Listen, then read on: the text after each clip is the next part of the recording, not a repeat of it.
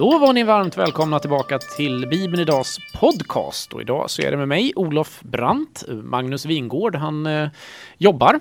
Så eh, tyvärr är han inte med oss i samtalet idag. Men vi har Martin Lokrans med oss. Tack så mycket. Ja, välkommen Martin. Det är mm. härligt att ha dig tillbaka. Ja, jätteroligt. Du eh, var ju med oss för ett tag sedan här och pratade anti-right och det är faktiskt en av de eh, poddar som vi har fått mest eh, respons på så att det är lite därför som du är tillbaka. Jaha, vad, vad roligt, visste jag inte. Mm, nej, jag tänkte att du kunde få det så här live. Ja, precis. Så man får dina liksom enorma känsloyttringar samtidigt. Ja, precis. Ja. för de som inte lyssnade på den podden då kan vi ju säga att de kan gå tillbaka och lyssna på den. Men du kan få presentera dig själv. Ja, eh, Martin Lokrans som sagt. Eh, jag eh, är präst i Svenska kyrkan i en församling som heter eh, Lindome församling mellan Kungsbacka och Göteborg. Jag är 40 år. Förra gången jag presenterade mig så visade det sig att några av mina vänner fick reda på att jag och min fru väntade barn via podden. ja, det, var lite oh. det var lite lustigt för det hade jag inte berättat men det berättade jag förra gången så det berättar jag nu också och ja, det var en liten rolig detalj tycker jag. Eh, så det gör vi. Vi väntar på första barn. Vi bor i Sävedalen, en bit, en bit norr om Göteborg. Eh, jag har läst på Johannelunds teologiska högskola. Det kanske kan vara intresse eh, mellan 1997 och 2003. Ja, det är något kort om mig. Mm. Och eh, du är här för att du har intresserat dig för och läst ganska mycket om och av N.T. Wright. Just det, precis. Och det har jag gjort de senaste jag vet inte hur många år det är nu, men kanske fyra sådär, fyra, fem har jag, har jag läst ganska mycket. Eh, och just nu så befinner jag mig på den sista tredjedelen av, av hans eh, stora livsverk om Paulus. Eh, Paul and eh, the faithfulness of God tror jag den heter, ja. Mm. Hur kommer det sig att du hittar Wright? Ja du, det var i kölvattnet av eh, Jonas Gardells bok om Jesus. Eh, och där, det var väl kanske två, ett, två år efter någonting sånt där så tänkte jag kanske skulle läsa mig på lite grann om den här forskningen om den historiska Jesus. Och då hittade jag en bok i eh, vår församlings bokhylla som heter Jesus då och nu. Eh, och jag tyckte den var väldigt intressant. Alltså, vem är den historiska Jesus populärvetenskapligt skriven? Eh, och då ger eh, Wright en utmaning i den boken och det är att eh, som man säger, it's all about history. Alltså, ska vi förstå den kristna tron så måste vi förstå historien och vi måste förstå liksom, hur man tänkte, hur livet var. Alltså, man måste förstå evangeliets eh, sociala, religiösa kontext och det gäller naturligtvis både Jesus och Paulus. Och eh, då måste man eh, forska helt enkelt. Då måste man, man kan inte bara eh, läsa eh, Bibeln för vi har inte tillräckligt mycket kringkunskap utan vi måste försöka tränga in i det historiska materialet som vi har tillgång till. Eh, och det kände jag mig utmanad av och tänkte ja den här killen verkar ju bra så att eh, jag tar honom till hjälp. Och han verkar ju ha gjort ett ganska grundligt arbete så att eh, då började jag läsa Wright helt enkelt från början. Eh, I hans stora verk då. Eh, han har ju en sex eh, en serie på sex böcker som, som behandlar om grunderna i, i eh, i den kristna tron med början och bakgrund till Nya Testamentet och sen, sen om Jesus och sen om uppståndelsen och nu om Paulus och vad bok 5 och 6 det vet vi inte. Men, men det, är den, det är den serien som jag har, har eh, tagit mig an då helt enkelt. Och eh, nu har jag till, till slut söglat mig fram till bok 4 och i slutet på den. Ja, eh, om du inte läser Wright, vad har du läst annars i sommar? Eh, ja, den sista boken som jag är väldigt fångad av faktiskt. Det är Sebbe Stax, eh, Musiken, brotten och beroendet. Varm rekommendation. Det har varit en ögonöppnare faktiskt för mig. Eh, att få inblick i förorts-Sverige med all den problematik som finns. Och, ja, vi vet ju alla att det pågår en ganska stor debatt just nu i, i, i medierna. Och hur är det egentligen ställt med Sverige och vad handlar det om och vad beror problemen ifrån och på och sådär. Och det är, det är en samhällsskildrare, eh, Sebbe Stax genom sin eh, grupp Kartellen och så vidare. Så att det där har varit eh, väldigt intressant. Jag var och lyssnade också på honom. Han var i en kyrka här utanför Göteborg i torsdags. Så att, ja, det har jag läst i sommar, bland annat. Men det är den senaste. Ja, spännande. Det är alltid kul liksom att fråga sig där vad som händer runt omkring det där som vi egentligen ringer för att prata med dig om för att visa lite mer om människan Martin också, ja. inte bara, eh, ja vad ska vi säga, kunskapens Martin som vi Ja. använder det som. Ja. Eh, men vi kastar oss väl egentligen rakt in här. Det blir ju en lite, jag vet inte om jag ska kalla det för tyngre podcast, men lite annorlunda mot det lite lösare pladdret som jag och Magnus har eh, sysslat med under sommaren här. Eh, för jag ringer dig av en väldigt speciell anledning. Eh, jag har gett dig ett litet uppdrag här som du ska få eh, ta dig an. Och det är ju så här att i och med att Wright är en så pass ja, men inflytelserik forskare, man märker att det är ganska många som citerar honom och använder honom och, och också då såklart kritiserar honom och försöker liksom gå i, i kamp med hans eh, argument och sådär. Så är det intressant för, för oss vanliga att eh, försöka förstå åtminstone några av grunderna i hans tänkande. Så. Eh, och det är många som säger att ja, men, pastorer och präster som utbildas idag kommer att påverkas mycket av hans sätt att tänka. Och då finns det då till exempel en av de sakerna som han, han pratar en, en del om är det som kallas för New Perspective eller New Perspective on Paul. Alltså vad heter det på svenska? Är det nya perspektiv? Är det så? Jag vet faktiskt inte vad det heter på svenska om jag ska vara ärlig. Jag läser inte så mycket teologi på svenska så att jag vet inte. Nej, eh, jag funderade också när jag, när jag satt och finurlade om det är så att man kallar det för nya perspektiv på Paul, Paulus. Eh, Ja, men det blir, en, det blir en rak och bra översättning så låt oss kalla oss det. Det nya perspektivet på Paulus helt enkelt. Ja, precis. Eh, så jag tänkte helt enkelt att du skulle få, få förklara lite för oss. Eh, vad handlar det här om och varför är det nytt och varför är det nyttigt och, och sådär? Eh, jag vet inte riktigt vilken ände du vill börja i för det är ganska stora frågor men... Eh, Ja, det, det är ju det. Och, och, och sen kan man ju säga i en mening så är det ju inte så nytt längre. Men det är nytt i förhållande till eh, vad ska man säga, kyrkans historia och reforma, reformationens eh, utläggning framförallt då av, av, av Paulus så är det ju förhållandevis nytt eftersom att eh, det drar väl igång någon gång på 70-talet. Jag är ju inte expert på eh, alltså, det nya perspektivet och alla dess olika grenar utan, utan jag är ju framförallt kunnig om Wrights gren eller Wrights perspektiv på eh, The New Perspective on Paul. Eh, och det är, framför, det är det jag inläst på och genom honom då har jag ju lärt mig att det finns ju eh, nästan lika många olika varianter av The New Perspective som det finns forskare.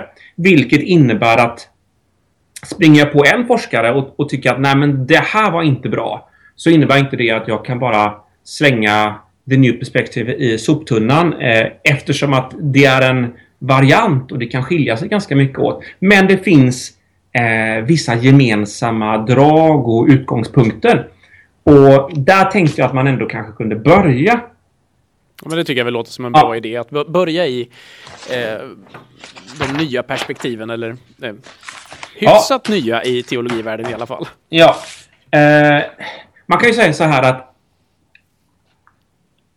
när, när, jag började, när jag läste teologi på Johannelund eh, och hade min Lutherkurs med Agne Nolander, man får väl säga att han är en hyfsad auktoritet på Luther, eh, så fick jag ju då lära mig att, att eh, det, det perspektiv som, som var helt förhärskande för, för Luther eh, var ju frågan hur ska jag finna en nådig Gud? Det är det som dominerar hela bilden. Eh, och Luther han springer i, i bikt stup ett och, och han, han är rädd för Guds vrede.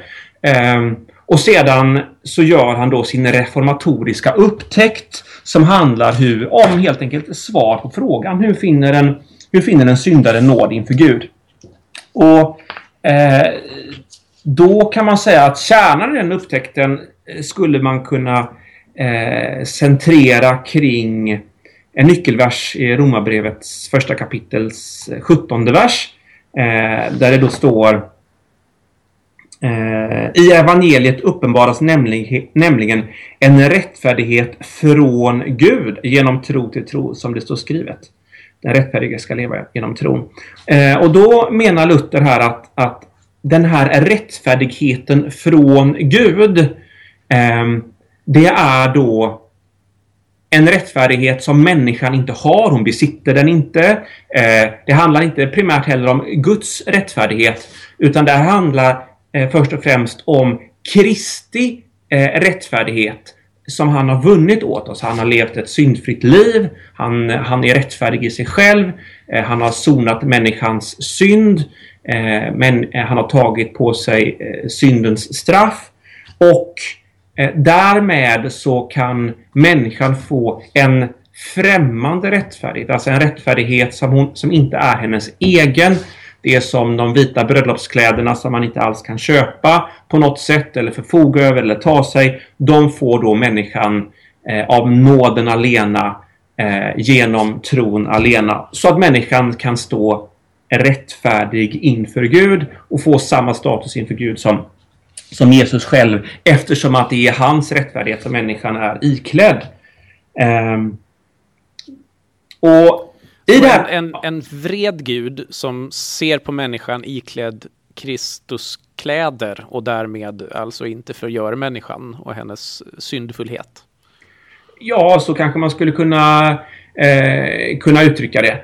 Eh, och ett viktigt, man ska säga, ett viktigt bibelställe i det här eh, är också Andra Korinthierbrevet 5.21 där det står att, att Eh, Eh, Kristus eh, blev eh, ett med synden för att människan ska bli ett med Guds rättfärdighet. Det, det, det, det är ett, vikt, ett av de viktiga bibelställena i det, i det här sammanhanget. Men om man då jämför det här med the new perspective så, så är det som kanske förenar det nya perspektivet det är att eh, judendomen och kristendomen Eh, Eh, eller vad man nu ska kalla det, det är inte två olika religioner utan, utan Paulus skulle ju aldrig göra den uppdelningen utan skulle ju snarare säga att, att, eh, att Messias är en fullkomnare av den, den judiska tron. Men i alla fall, på den här tiden så menade New Perspective så var inte hur ska jag finna en nådegud det enda dominerande eh, allt övergripande perspektivet. Eh, och eh, det är inte ramen inom vilket allting ska förstås och tolkas. Och när jag sprang på det här som teolog eh, eller som teologistuderande eh, då med en gång så sköt jag ju ragg och tänkte oh det här, det här känns väldigt hotfullt. För om det är nu så att, att eh, Nej, jag måste ta en sak först. Just det. Eh, en annan sak innan jag går in på det. Eh, jo, i, i, eh, i lutherdomen eller i den reformatoriska tron så har man ju då tänkt så här att människan blir inte frälst genom laggärningar, det som står i Galaterbrevet och Romarbrevet som laggärningar, det är människans meriterande gärningar inför Gud så att Gud ska säga ja, du tillhör mig, eh, du får evig salighet, du får komma till himlen. Eh, laggärningar är alltså människans eh, självfrälsningsförsök. Och kontrasten till det är eh, att människan blir frälst genom nåden alena, genom tron alena, genom det Kristi verk har gjort. Eh, och då menar också då New Perspective att, att nej men vänta här nu, judendomen på Jesu tid var ingen lagisk religion. Lagen var inte en, en, en stege genom vilket man klättrade upp till himlen. Eh, och om då inte den mörka, mörka bakgrunden är att laggärningar handlar om att meritera sig till Gud. Vad blir då motsatsen? Och det var det här jag tänkte som, som, som teologistuderande. Ja, men då kan ju inte liksom evangeliet vara så att säga eh, den fria nåden genom Kristus och med e-, ryggmärgsreflexen ville bara försvara sig mot att nej men så kan det ju inte vara. Eh, nu har jag upptäckt att, att, att så enkelt är det inte. Eh, men ehm, eh, det var åtminstone någon av, av mina egna första liksom, initiala motstånd mot hela det här perspektivet. Ehm, ja, det kanske är någon form av, av, av, av bakgrund och då blir frågan om vi bara gör en kort paus där, du kanske ja. kommer tillbaka till ja. det, men eh, om jag läser lite mellan raderna och lite ifrån vad jag någonstans eh, har med mig. Betyder det någonstans att Luther när han läste Bibeln eh, hade sin brottningskamp som han upplevde eh, och hittade då ja, men, bibelverser och bibelsammanhang som på något sätt appellerade väldigt tydligt till den samtid han levde i. Och, och det som predikades och, och, och, så gjorde han upp med det genom då det som blev reformation och så vidare. Medan New Perspective försöker säga att en del av det som fanns på Luthers tid, det var kanske inte så man tänkte på Paulus tid och då kan det omöjligt vara det som Paulus menar, eller i alla fall inte på det sättet. Är det Nej, uppfattat? Ja, det, det, det, det kommer sanningen ganska nära. Det innebär inte att allting som Luther tror och lär och all Luthers dogmatik är felaktig. Eh, långt ifrån. Grunderna, eh, den dogmatiska grunden är ganska lik i en mening men, men, men man drar, man, man läser eh, rent exegetiskt på ett lite annorlunda sätt. Alltså det som är det som, det som Luther gör det är ju att han sätter likhetstecken mellan judendomen på Jesu tid och den romersk-katolska kyrkan i sin egen tid. Båda står för en lagiskhet in, genom vilken man ska säga meritera sig, göra vissa gärningar för att få, få, få, få, få ehm, eh, nåd inför Gud. Eh, och då menar New Perspective att nej men vänta här nu. Han läser in, han läser tillbaka sin situation in i, i första århundradet. Eh, och, och, därför så, så, stämmer inte hans exegetik helt och fullt. Eh, utan, men för att det här ska klar, klarna lite grann så, så, så, måste man nästan börja eh, mer precisera vad, vad åtminstone Wrights version av The New Perspective handlar om. För då tror jag att mycket också kommer att, att så att säga att, att bli tydligt vad som är likt och olikt och sådär. Mm, ja, men, eh, kör! Det, ja. vi, vi, vi, vi, vi tar det vidare. Det, det väcker ju liksom frågor och som du säger så är det ju inte, det är ju inte dugg onaturligt egentligen att man reagerar med Vä vänta nu här, vänta nu här. Nej, nej. Och, och jag behöver säga det, ni som liksom sitter och lyssnar och känner att nej men vänta nu, vad sysslar ni med nu här? Följ med en stund och sen va, pröva för allt i världen. Eh, svälj inte allt som alla säger bara för att det är på en podcast eller radio eller tv. Eh, men eh, ryggmärgsreflexen många gånger är ju, är ju, precis som du uttryckte det, den är ganska automatisk. Mm. Mm. Eh, ja, vi går tillbaka återigen då till, till Romarbrevet 1.17. Denna för reformationens väldigt centrala vers. Eh, I evangeliet uppenbaras nämligen en rättfärdighet från Gud. Och här blir det lite eh, teologiskt fikonspråk. Eh, på grekiska eh, så är det här eh, dekaiosune theo som är alltså en, en, en, en, ett genitiv som kan förstås rent grammatiskt som att rättfärdigheten är någonting som kommer från Gud. Så har Bibel 2000 eh, valt att översätta det. Eh, men det kan också lika väl förstå som att det är Guds egen rättfärdighet. Alltså det har med hans karaktär att göra. Eh, så att rent eh, grammatiskt så kan vi inte eh, säga om det är det, är det ena eller andra bara utifrån den bibelversen. Eh, och Wright då menar att det här handlar inte då primärt om någonting som Gud ger utan det är en karaktärsegenskap eh, som evangeliet uppenbarar. Och vad är det då som Eh, vad är det som har uppenbarats? Eh, och då, eh, Wright, han läser ju hela Bibeln som en berättelse. Och självaste motorn i denna berättelse är, eller frälsningshistorien, eh, är ju förbundet med Abraham.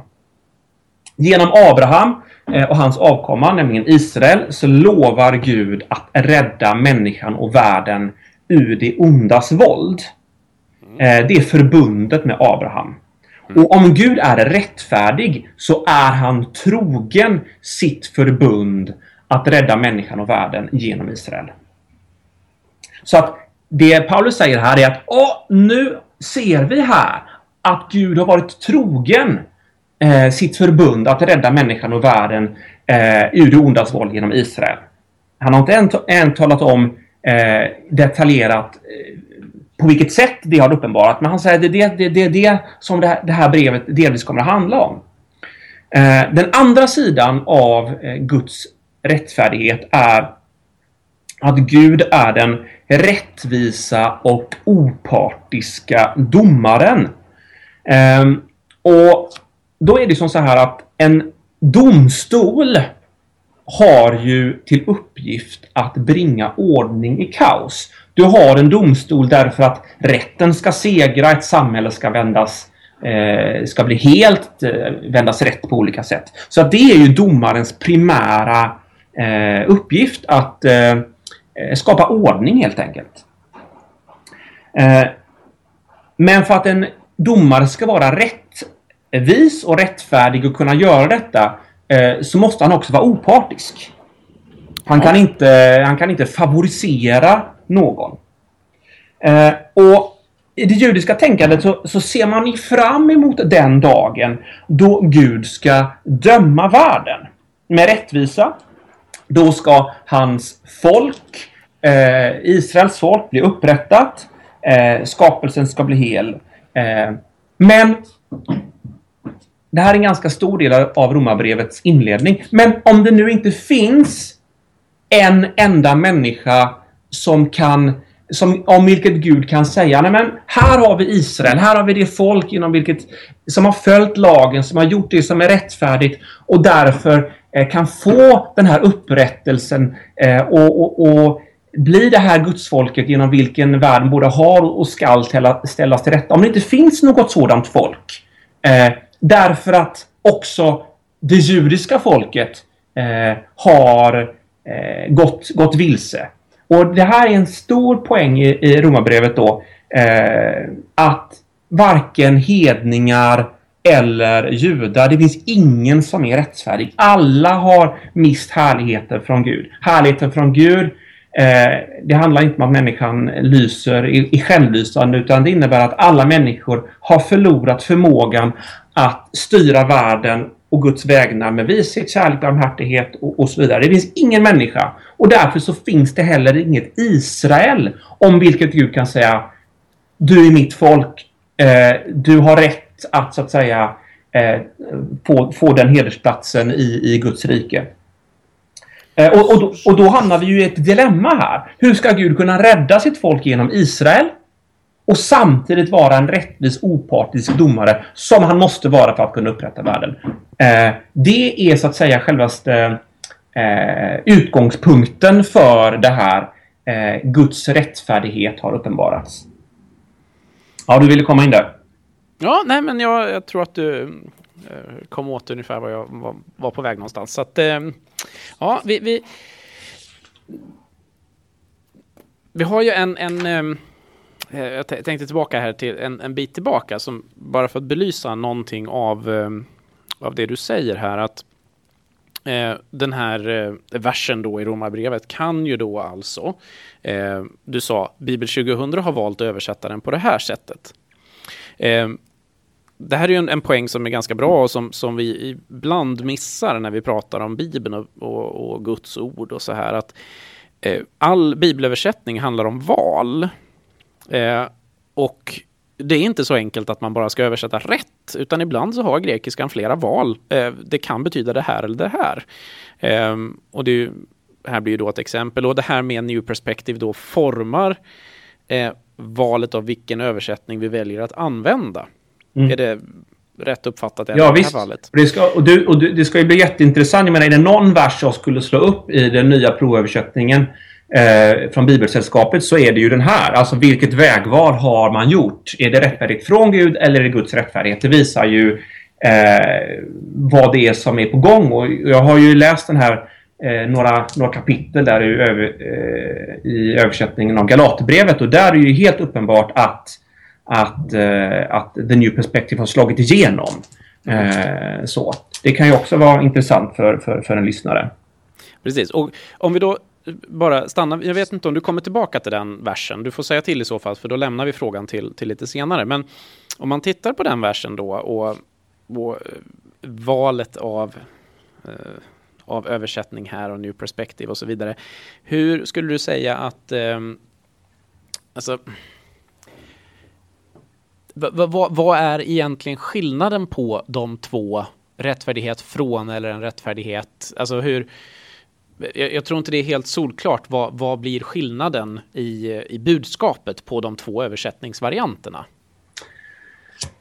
Ja, alltså saken är den att, att eh, eh det visar sig, man, må, man måste på något sätt eh, gå, gå, eh, gå vidare. Alltså nu har, det här är bara första lilla pusselbiten i, i, en, i, en, eh, i ett nytt sätt att tänka faktiskt. Så att, så att än så länge så, så, så är det svårt att dra ut några sådana linjer utan man måste mm, mm. gå lite vidare så. Men vi, vi, vi, vi, kan behålla den versen i huvudet och så ser vi om vi kommer tillbaks dit eller om det klarnar ändå. Ja. Mm. Eh, och då menar eh, eh, Wright att... Vi ska alltså tillbaka till svaret på frågan va, hur man ska få ihop eh, Guds löfte om rättfärdighet genom Israel och eh, Gud som rättvis domare så att säga. Ja, precis. Eh, och det, det, det Gud har gjort då, det är, det är som, som Wright säger, He has provided a faithful, faithful Israelite. Eh, och den som vill eh, hänga med här nu i, i, i, slå upp i sin bibel så kan ni eh, slå upp Romarbrevet 3.21. Eh, och där läser jag då innantill. Men nu har Gud uppenbarat en rättfärdighet som inte beror av lagen, men som lagen och profeten har vittnat om. Alltså här kommer ju liksom innehållet i den här rättfärdigheten. En rättfärdighet från Gud, right, översätter eh, Guds rättfärdighet, genom tron på Jesus Kristus för alla dem som tror. Men här, det här är intressant. Här översätter han inte genom tron på Jesus Kristus utan genom Jesu Kristi trofasthet. Det är samma grammatiska konstruktion här som rättfärdighet från Gud eller rätt, Guds rättfärdighet kan översättas på båda, på båda sätt.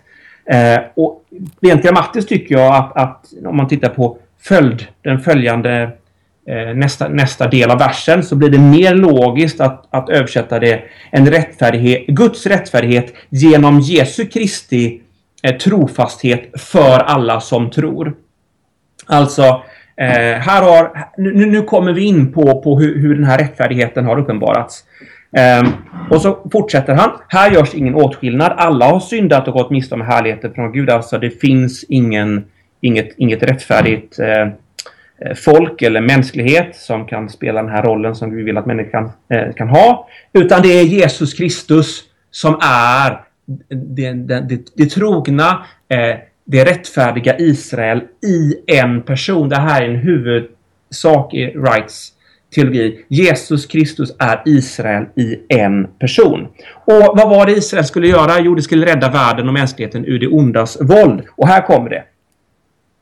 Eh, och utan att förtjäna att det blir det rättfärdiga av hans nåd eftersom att han har friköpt dem genom Jesus Kristus. Gud har låtit hans blod bli ett försoningsoffer för dem som tror. Här har du det i ett nötskal.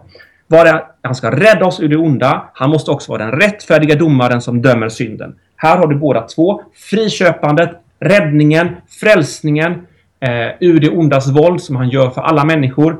Eh, och att han sonar, han dömer synden. Alltså så har Gud här uppenbarat sin rättfärdighet så som domare, som rättfärdig domare, men också så som eh, den som är trogen sitt förbund med Israel att rädda världen och mänskligheten eh, genom Israel.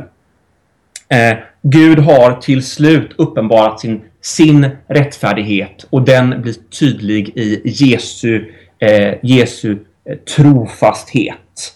Eh, det, det, är intressant där, alltså just Jesu tro eller hans trofasthet. För där vet jag att de gör liknande eh, diskussion tror jag, Galaterbrevsöversättningen eller provöversättningen. Ja. ja, precis. Just precis. att tro och trofasthet. Och ni som är nyfikna på just det kan, kan mycket väl titta på noterna i den översättningen. Eh, de är inte så eh, utvecklade, men de, de, finns ändå där. Så att där har du samma, eh, samma grej. Vad skulle du säga i det här steget då blir skillnaden mot det gamla perspektivet, eller vad vi ska säga. Vi behöver inte skylla det på Luther. Uh, nej, precis. Ja, alltså, för, för nu, nu, får du ju... För mig låter ju det här ändå ganska klassiskt. Ja, det gör det. Uh, uh, det som... Ja, man behöver nästan, man behöver nästan sluta, sluta cirkeln. Ta ett steg till innan vi, innan vi kommer in på den, okay. mm. på den frågan. och det är att Gud, den som tror blir rättfärdig. Det är ju liksom Eh, och, och, och eh, Luther hade ju då att när människan blir rättfärdig, då får hon liksom Jesu Kristi rättfärdighet. Eh, eh och, och, det är självaste frälsningsakten om man säger så. Eh, medan Wright menar att, att när eh, likheten är att båda Eh, menar att, att eh, rättfärdiggörelse handlar om ett domstolsbeslut. Alltså det Gud, deklarerar någonting över människan. Men eh, Wright menar att det som Gud deklarerar över människan när hon är rättfärdig, det är att du tillhör Israel. Du är en del av eh, Guds folk. Och inkluderat i det så är det naturligtvis att människan är frälst, förlåten, eh, eh, fri från synd, det som är liksom klassiska reformatoriska grundpelare. Men här kommer vi in på en skillnad och det är det att här så att säga betonas eh, det individuella, det personliga, att det är du, Eh, det är jag som får en upprättad gudsrelation tillsammans med att jag blir en del av eh, Guds folk. Eh, därför att här kommer vi in också på the new perspective. Alltså den fråga som det judiska folket har och som Paulus har. Det är eh, Ja men vänta här nu. Vil, var, var finns Guds folk någonstans? Vilka är Guds folk? Judarna var helt de var, ganska, de var upptagna av det. Eh, det var en jätteviktig fråga och, och, då, och då sa man ju så här, ja men Guds folk det, det är de som följer Toran, de som följer sabbatsbudet, de som följer, eh, de som omskär sina barn, eh, de som inte äter tillsammans med hedningar. Vi har vissa gränsmarkörer som visar att, ja men här är Guds folk. Var att vara rättfärdig var alltså att vara, in, in, eh, eh, vara på insidan av eh, förbundet. Eh, så att här, här är en ganska stor skillnad. Eh, I Luthers tänkande så är rättfärdiggörelse, det är liksom eh, där ligger det stora fokuset på eh, individens enbart relation i förhållande till Gud. Medan i det här tänkandet, eh, i Wrights version av tänkandet, så, så handlar det eh, om min tillhörighet till Guds till Guds folk. Och om man nu ska föregripa liksom någon form av slutdiskussion så skulle man kunna säga så här att, att jag menar, som präst så, så, så vet ju jag att, att en av de stora utmaningarna är ju att en människa kan, kan börja tro på Jesus, kan börja läsa Bibeln, kan börja be. Men man ser sig inte självklart som en del av kyrkan som är Guds folk, den identiteten är ofta ganska svag. Därför att evangeliet har blivit så individualiserat. Alltså, vad kan Gud ge mig? Alltså den postmoderna drömmen på något sätt hakar tag i eh, en, en, en en, en, en dogmatik. Jag säger inte att dogmatiken är liksom helt skuld till det, men, men, men det hakar tag i det här. Jag och Gud, vi ska bli försonade och det sammanhang man kommer in i eh, blir ganska sekundärt. Eh, församlingen kanske främst till, finns till för att jag ska bli varad eh, i tron. Medan i det här perspektivet så, så, eh, så lyfts så att säga gudsfolksgemenskapen in eh, i kärnan på ett annat sätt. Eh, och jag, jag, tror att, att, att det är någonting som är oerhört viktigt eh, Eh, i vår tid och för kyrkans framtid.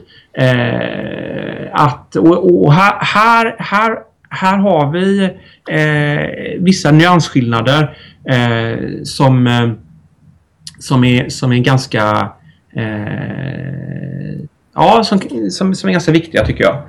Eh, alltså man, man beskyller ju ibland Luther och reformatorerna eh, för att vara en stor del av att vi har ett så individualistiskt samhälle i västvärlden idag.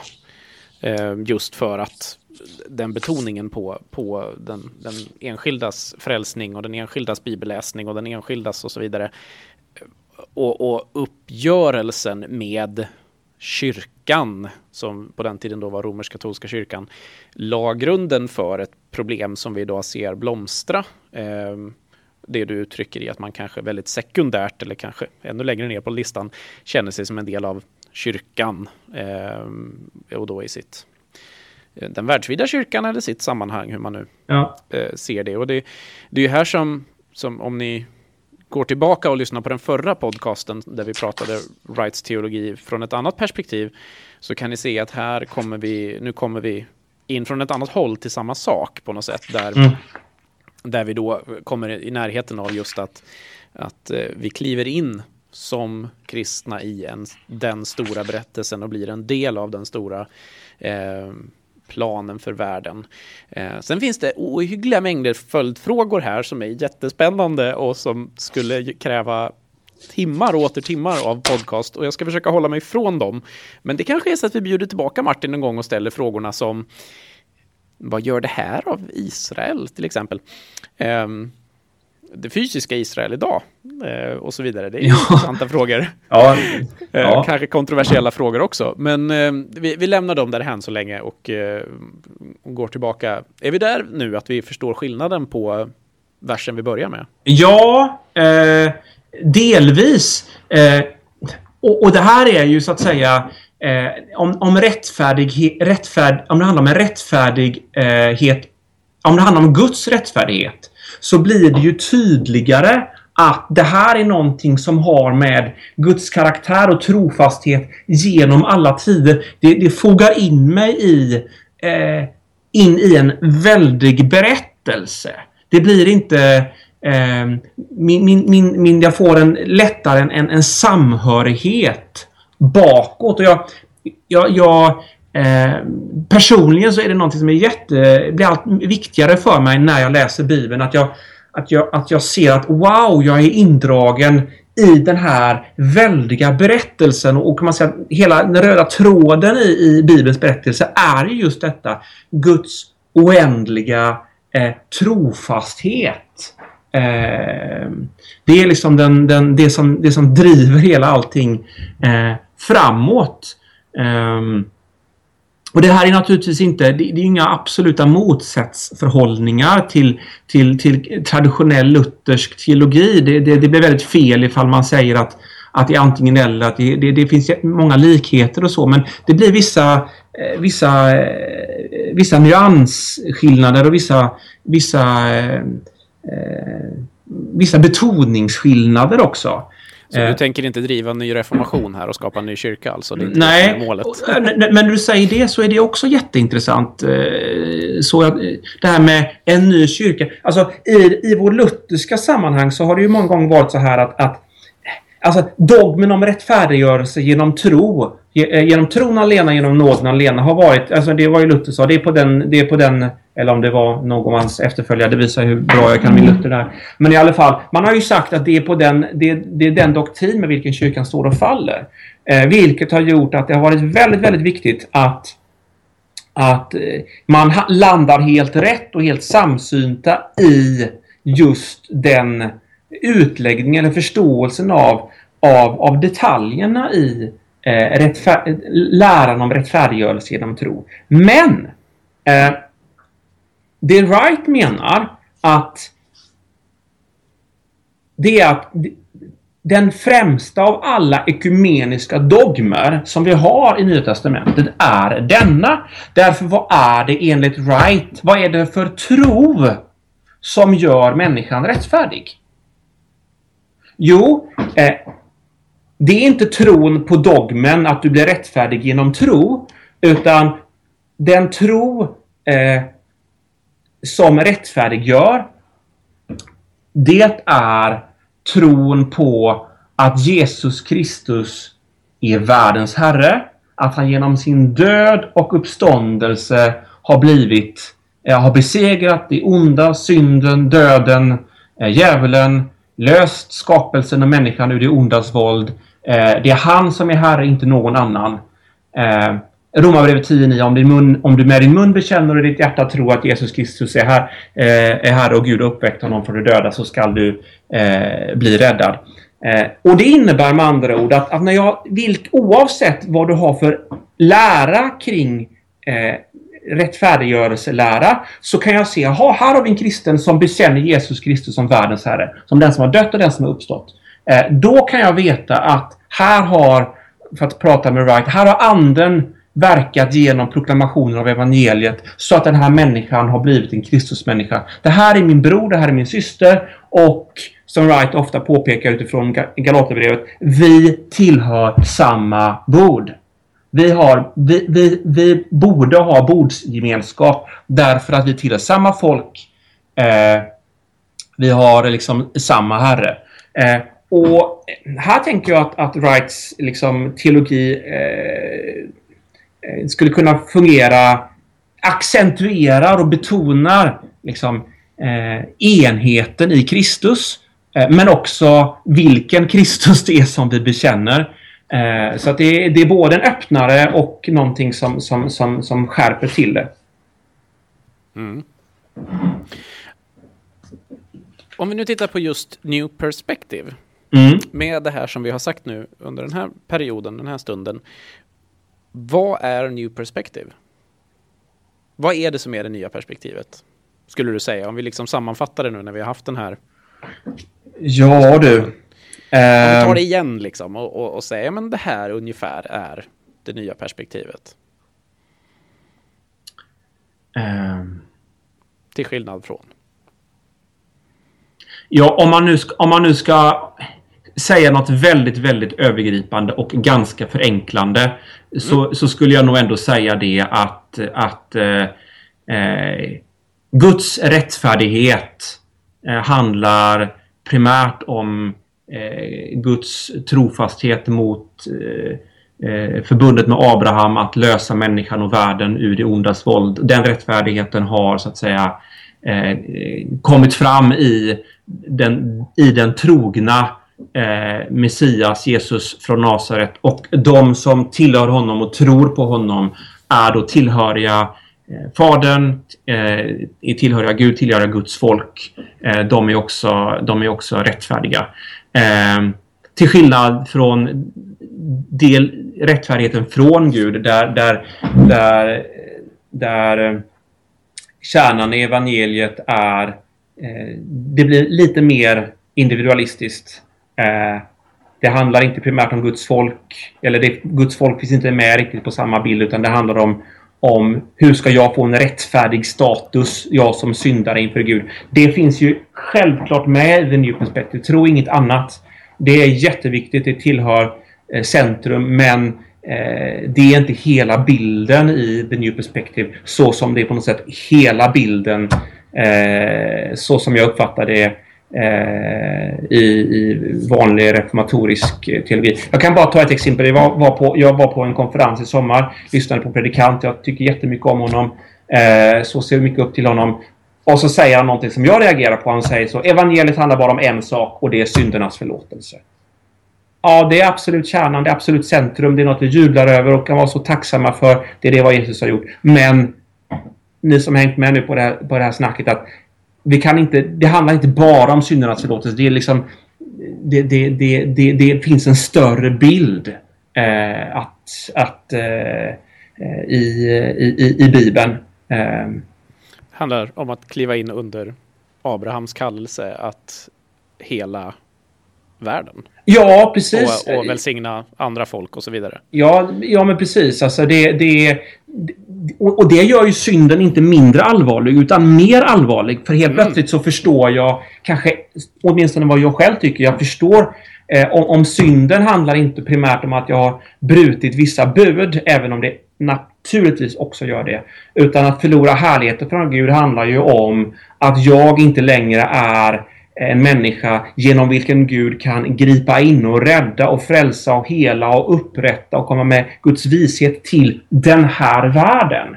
Eh, vilket gör att jag har en helt annan ingång också hos vanliga människor. För att när man pratar om synd som liksom, ja, vi bryter mot Guds bud och så säger man upp några stycken. Det, eh, även om det är sant och korrekt, för det tror jag också naturligtvis, så blir synden får mer kött, den blir mer begriplig, den blir mer så att säga eh, den blir mer eh, gripbar och, och eh, när jag ser vad att synden handlar om eh, handlar om, om, om, hur vi tar hand om den här världen som, som, som, eh, som Gud har gett oss. Och The New Perspective har ju, har ju liksom det stora perspektivet på ett annat sätt med sig, tycker jag. Och jag får ju naturligtvis säga med viss, med viss ödmjukhet att menar, jag är ingen Luther-expert och, och utan, utan mycket av det här eh, när jag säger, säger så är ju jag menar, så som jag har blivit undervisad och lärt och hört i, i, i, i kyrkbänken också genom många år. Alltså så som det har blivit i vår eh, reformatoriska kontext kanske man kan säga.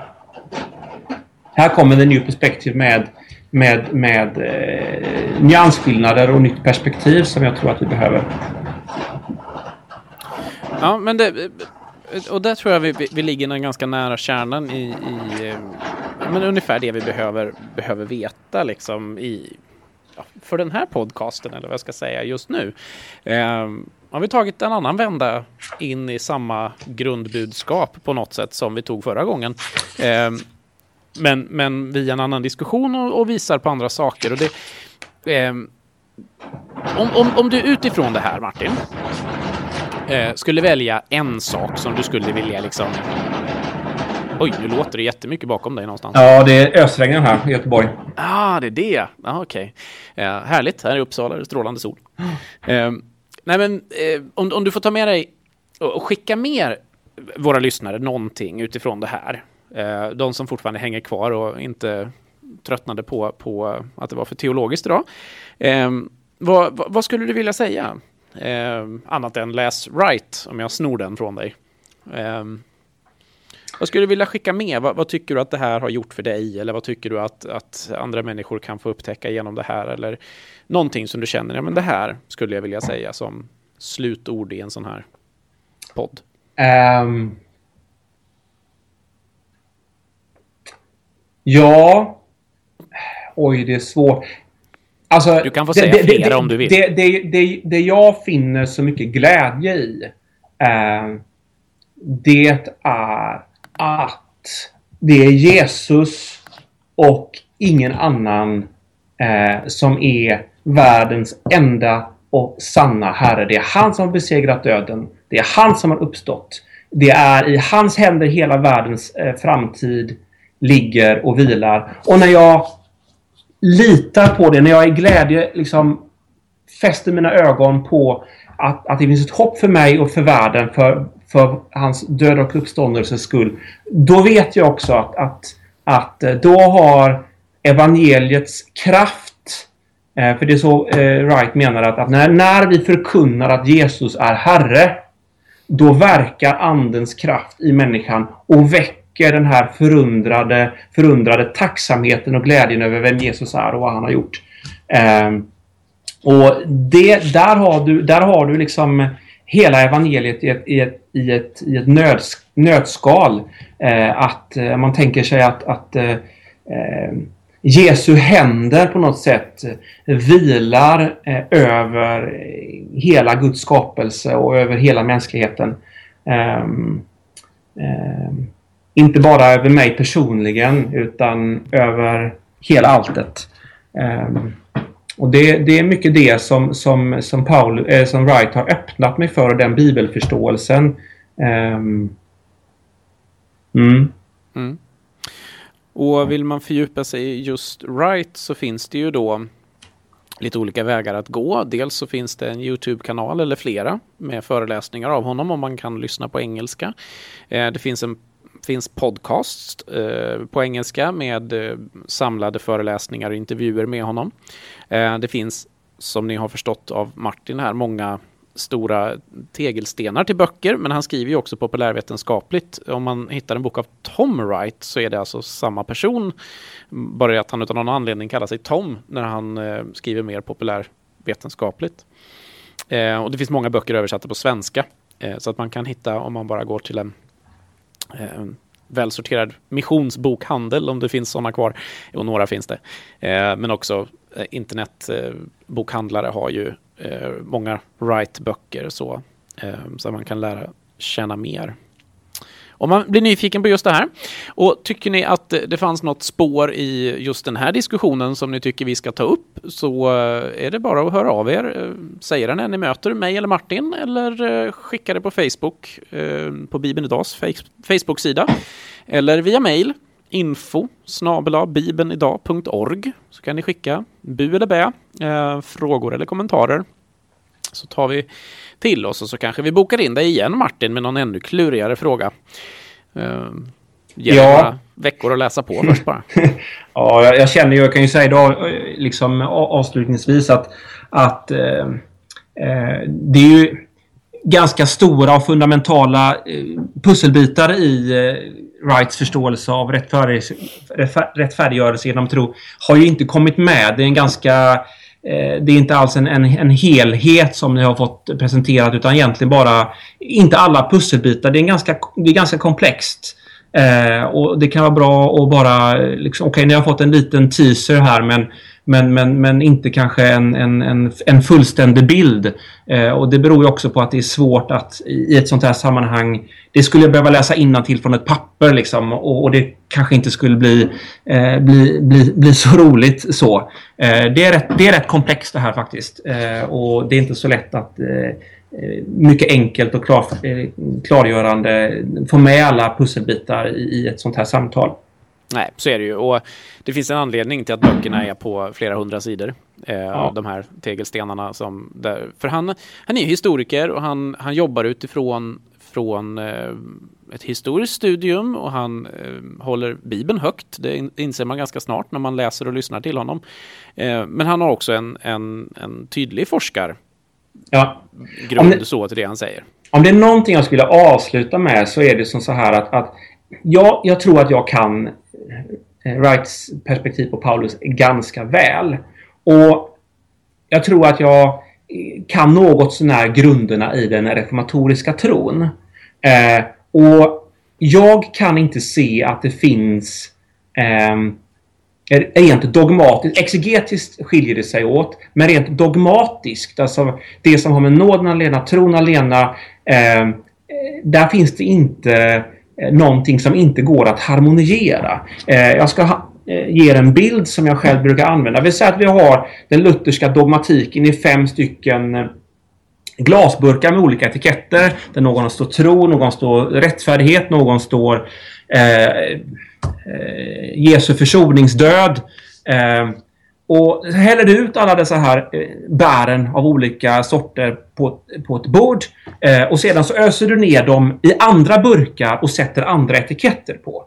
Då blir det ju ganska förvirrande. Men det är samma innehåll. Det stämmer inte helt för det finns nyansskillnader och så. Men när det gäller grunderna i den reformatoriska teologin. De tror inte jag, eller är övertygad om, att de behöver man inte överge.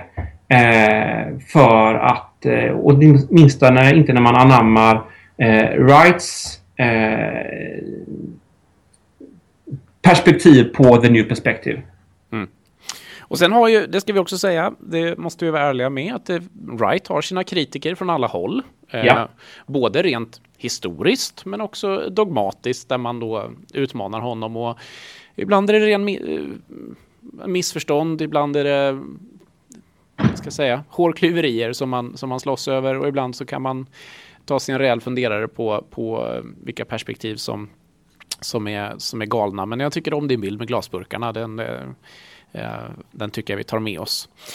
Ehm, det är så här att vi brukar ju alltid låta gästen skicka med en fråga till nästa gäst. Eftersom du är först på på banan den här hösten så har jag ingen fråga med mig till dig. Och eh, jag är lite osäker på om det är så här att nästa gäst blir den jag nu säger eller om någon hinner emellan. Men du ska i alla fall få ställa en fråga avslutningsvis. Och det är så här att eh, nästa gäst som jag känner till det är Jonas Bergsten som eh, ligger bakom eh, Kärnbibeln. Känner du till den? Nej, det gör jag faktiskt inte. Det visar hur, hur, att jag inte är så allmänbildad kanske. Men, men, men eh, nej, det känner jag faktiskt inte till. Eh, det finns en bibelöversättning på engelska som heter Amplified. Som är en bibelöversättning mm. där man försöker att skriva en översättning och när ett ord eller en, en mening kan betyda lite olika saker och man inte riktigt vet. Så skriver man ut en och så inom parentes skriver man en förklarande mening. Så man får en slags löptext som är kommenterad. Eh, och eh, Kärnbibeln är då des, den svenska motsvarigheten och den har tagits fram utav Jonas Bergsten. Han är en entreprenör på många sätt eh, på, på, på andra håll också.